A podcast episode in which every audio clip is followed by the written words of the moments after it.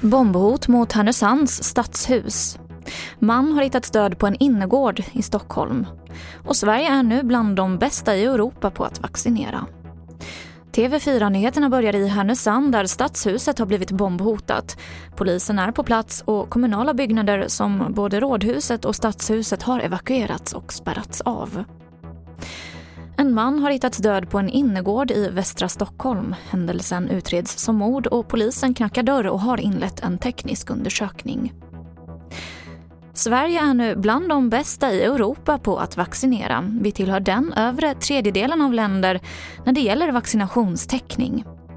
Sverige har fått svidande kritik från omvärlden när det gäller hur landet har hanterat coronapandemin.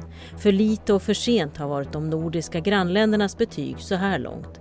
Men när det gäller vaccinationstäckning har Sverige nu uppnått 40,4 procent av befolkningen.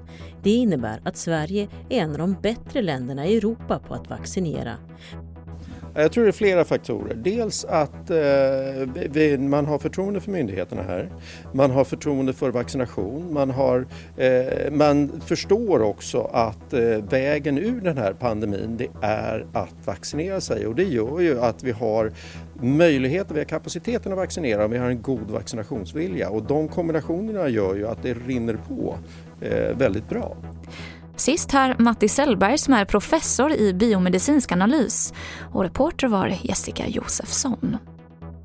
Och till sist kan jag berätta att intresset för att cykla är rekordstort just nu och Råd och Rön har testat säkerheten på 15 av marknadens godkända vuxenhjälmar. Och bara en, Scott Arcs Plus, klarade hela det extra tuffa testet med slag från sidan.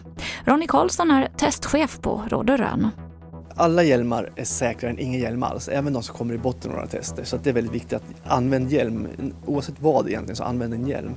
Men kan man välja så kan man välja en hjälm som är faktiskt eh, skyddar din hjärna bättre än de andra hjälmarna.